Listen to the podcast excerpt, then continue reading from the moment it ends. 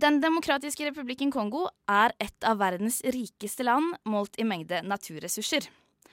Men Belgias kolonistyre fram til 1960 og mange år med borgerkrig har ført til svært dårlig utnyttelse av disse naturressursene. Kongo er dermed blant verdens aller fattigste land.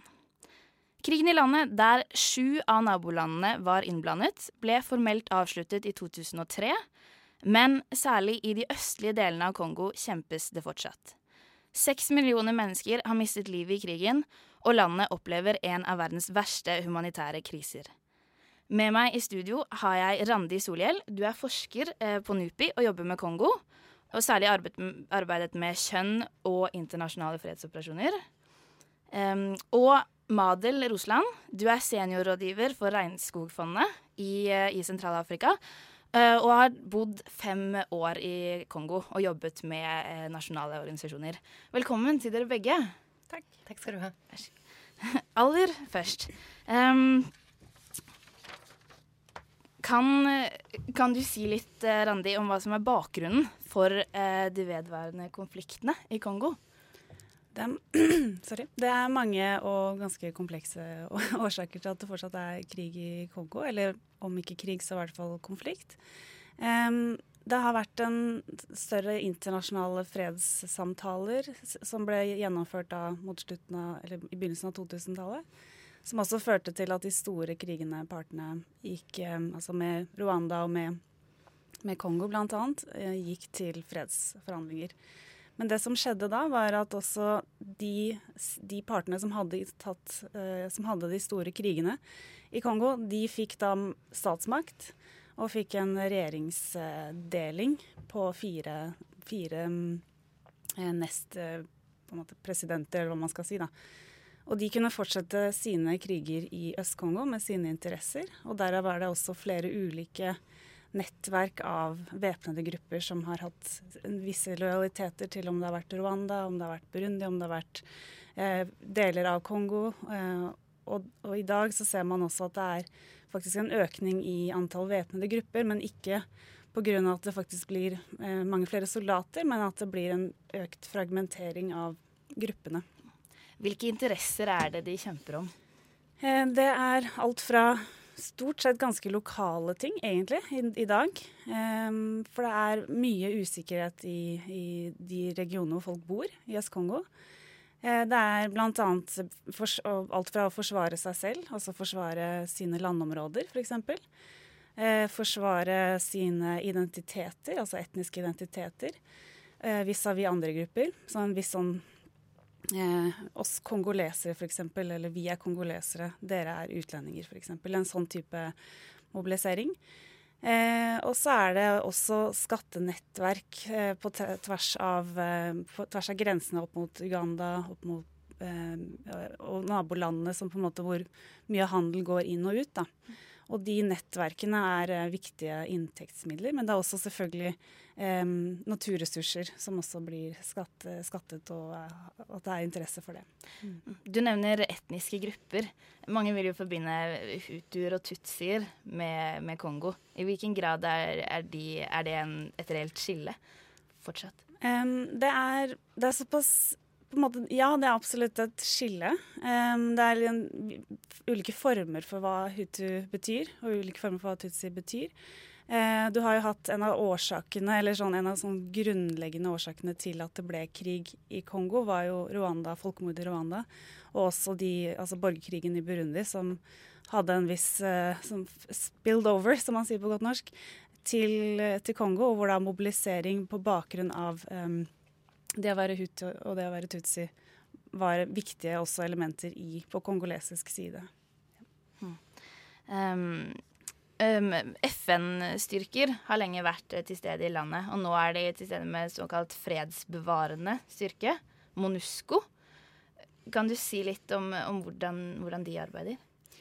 Ja, det er en veldig kompleks operasjon. Det er en, en av de verdens største FN-operasjoner. Og de har et mandat til å faktisk krigføre også, så de kan ta skritt for å eh, aktivt bekjempe grupper. Ikke bare beskytte sivile. Dette, dette var noe som kom nylig, som ble vedtatt nylig? Ja, det ble vedtatt etter den M23 som okkuperte Goma for noen år, et par år tilbake.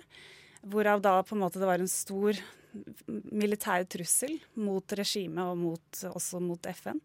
Og selvfølgelig, ikke minst sivilbefolkningen, men, men, på en måte den, den, trusselen var først og fremst på et sånn større, større, nivå. Det førte til at det ble en eh, FN-mandat for å aktivt kunne krigføre mot, mot visse grupper. Da. Ja, fordi man, man, så for seg at det kunne true stabiliteten i større deler av Afrika, ikke bare Ja, ja. så det var heller, heller, det som var Men selvfølgelig er det jo veldig mange andre deler av FN-operasjonen som ikke så ofte kommer fram. Blant annet eh, mer sånn sivilsamfunn, stabilisering, eh, politireform. Eh, det kan være beskyttelse av barn, det kan være eh, seksualisert vold. Det kan være mange forskjellige temaer som, som blir tatt opp. For dere har begge vært eh, i Kongo og jobbet med disse styrkene. Kan ikke du si litt, Madel, om hvordan du har jobbet i Kongo? I Kongo? Ja, først, først så jobbet jeg faktisk for, for en norsk organisasjon, Kirkens Nødhjelp. Og så etterpå så har jeg jobbet for, eh, for, for MONUSCO, eh, fredsbevarende, de fredsbevarende styrkene. Ja, de har forskjellige innsteg, da. Kirkens Nødhjelp og, og MONUSCO. Selvfølgelig. Ville du at jeg skulle si noe om MONUSCO? Si, si, si om MONUSCO. Ja. ja. MONUSCO, og det Ja. Der jobbet vi begge to. Eh, både Randi og meg, faktisk, eh, samtidig. Det, er, det, er en, det, er jo en, helt utrolig stor maskin. Eh, det er jo 20, 23 000 ansatte, hvorav 3000 er sivilt ansatte. Det er den største i verden av fredsbevarende styrker. Så det er jo et, sånn, et stort apparat som er vanskelig å, å snu, eller Det er ikke så mye fleksibilitet. Um, men vi jobbet innenfor en enhet som heter Stabiliseringsenheten, som jobbet med med lokale organisasjoner og nasjonale eller nasjonale organisasjoner og internasjonale organisasjoner med fredsbyggende arbeid. Altså stabilisering som da kan bli sett på som den første etappen av en fredsbyggingsprosess. Og jobbet med lokalbefolkningen for å få dialog, og, den, og dialogen mellom eh, de som leder landet, og, og lokalbefolkningen på bakken. Kan du si noe om hvordan dere samarbeida med lokalbefolkningen?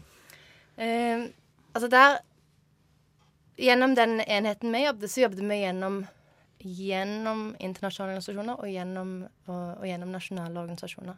Så for eksempel var det en organisasjon, en kongolesisk organisasjon som fikk finansiering direkte fra FN.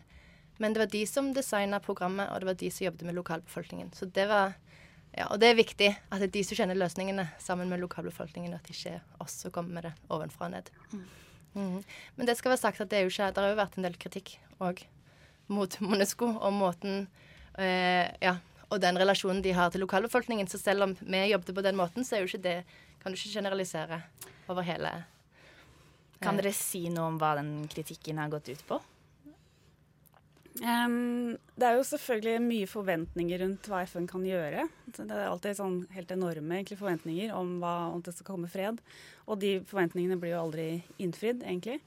For det er jo, stort sett så er jo fred også selvfølgelig kommer jo innenfra. Altså det er jo et stort ønske om fred i Kongo, men det er også andre Det er også mye altså mentalitet og altså sånn kunnskap om det å være Um, altså det å, å, gå i konflikt også. på en måte det er en, Selv om det er et ønske om fred, så, uh, så, er det også noe at folk kanskje blir vant til å ha en mer uh, tidvis um, mer, um, Om ikke aggressiv, så i hvert fall på en måte konfliktskapende samfunn. da. så også har jo FN er jo Selvfølgelig, det er jo hvor mye kan disse soldatene også gjøre, som på en måte er stasjonert og ikke kjenner til eh, verken lokalsamfunn eller språk. Um, og er der på en måte som å observere og kanskje rapportere. Og den type, den type Da også blir forventningene veldig på en måte lave, da, når du ser at de bare står der og ser på, f.eks. Det, det er en holdning. Um, ja. Ja, Men eh, det er jo noen lokale skikker som de kanskje har klart å tilpasse seg ganske fort. Nå tenker jeg litt på det med seksuell vold. Um, er, det, er, det, et medieskapt bilde, eller er det noe som faktisk skjer? Eh, altså, når, mm, eh, altså seksualisert vold er, er jo en, en, stor utfordring i Kongo, som det er i mange de, fleste, de fleste land eh, som har opplevd konflikt, eh, men òg ja, overalt. Um, ja, om Du spør om det er et medie, medieskapt? Ja, og også om det er noe soldatene okay. Ja, altså det, er, det, har vært tilfeller av at altså, Det er jo én ting er prostitusjon, som er et problem tror, eh, altså, i MONUSCO, i fredsbevarende styrker. Og det er jo ja, og det er jo noe de prøver å bekjempe, men som er en, en generell utfordring. Og, det, og så har det jo òg vært nå i det siste kommet fram, jeg tror det er fra Den sentralafrikanske republikk, eh, flere tilfeller av overgrep. Og det har jo altså helt opp til eh, Ban Ki-moon har jo prøvd å, å, å, gjøre ta grep for å, å, jobbe med det, men det er jo ja, en stor utfordring. Mm. Mm. Og veldig dumt, for det ødelegger jo. Altså det, det, selvfølgelig så ble jo alle som jobber i MONUSCO, som ønsker, som faktisk tror på det de gjør, så blir det veldig veldig irritert når noen, noen får ødelegge for ryktet. Mm. Um, men det kan jo være problematisk også for, eh, for FN-soldater som kommer dit og ikke nødvendigvis kjenner eh, konfliktbildet så godt, eller lokale tradisjoner. Um, jeg leste nylig en doktorgrad av en forsker som heter Kathleen Jennings. Mm. Uh, hvor hun um, finner noe hun kaller 'peacekeeping as enterprise'. Kan dere si noe om hva, hva hun legger i det begrepet? Um, jeg vet ikke om jeg vil på en måte uh, forklare hva Kathleen har uh, som Men jeg kan godt si noe om på en måte det der med Enterprise. Altså, sånn, det er jo et stort maskineri, uh, også med store Altså det er jo høye, eksempel høye lønninger. Det er mange, mange, ting som skal på plass.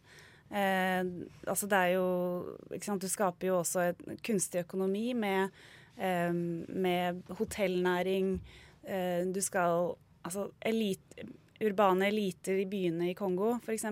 tilpasser seg eh, det markedet som kommer inn med internasjonale.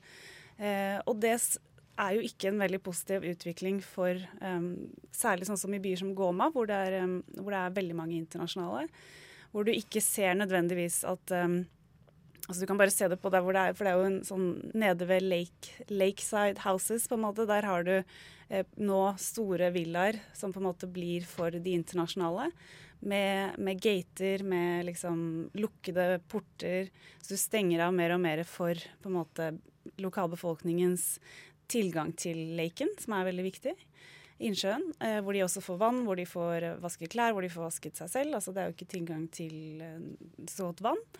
Eh, og sånne type, altså den type business i byer som, som Goma da, er, er jo ganske Altså, det er, det er, noe med at man virker ikke som man har tenkt på den effekten så veldig i forkant av i, en, en FN-operasjon, da. Mm. Men kanskje man gjør det. Jeg vet ikke fremover i tid. Nå, nå løper tida fra oss, men eh, helt til slutt, eh, dere, altså, hvordan, hvordan går veien videre for Kongo?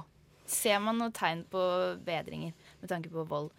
Eh, jeg vil si, altså Nå i 2016 så går jo Kongo inn i en veldig spennende periode. Eh, på, på godt og på vondt. Det skal egentlig være valg eh, nå i slutten av året. Eh, og det er veldig mange indikasjoner på at det ikke kommer til å finne sted eh, til altså grunnlovsfesta tid. Eh, og det kan altså og det er negativt, for det kan falle altså Det er så veldig fragilt landet. Eh, så, så der, kan det, der kan det være masse konsekvenser, og det følger vi tett med på. På den annen side så ønsker jeg å trekke fram det som er positivt. og Det er at vi ser at sivilt samfunn ikke aksepterer at eh, presidenten ønsker å stille altså som et tredje mandat, ett mandat lenger enn det han hadde lov til. Og det, vi ser veldig mye positivt, konstruktivt engasjement. Og det syns jeg er veldig positivt. Dette, her ikke, dette her er ikke finansiert av internasjonale organisasjoner eller MONUSCO. Dette her er studenter, det er lokalbefolkning som bare er veldig lei krig, konflikt, fattigdom og vil egentlig ha en forandring. Og det tenker jeg at ja, det er, er håp. Det er ja, mye spennende som skjer. Vilje til forandring er et godt utgangspunkt. Da sier vi takk til dere, Madel Rosland og Randi Solhjell.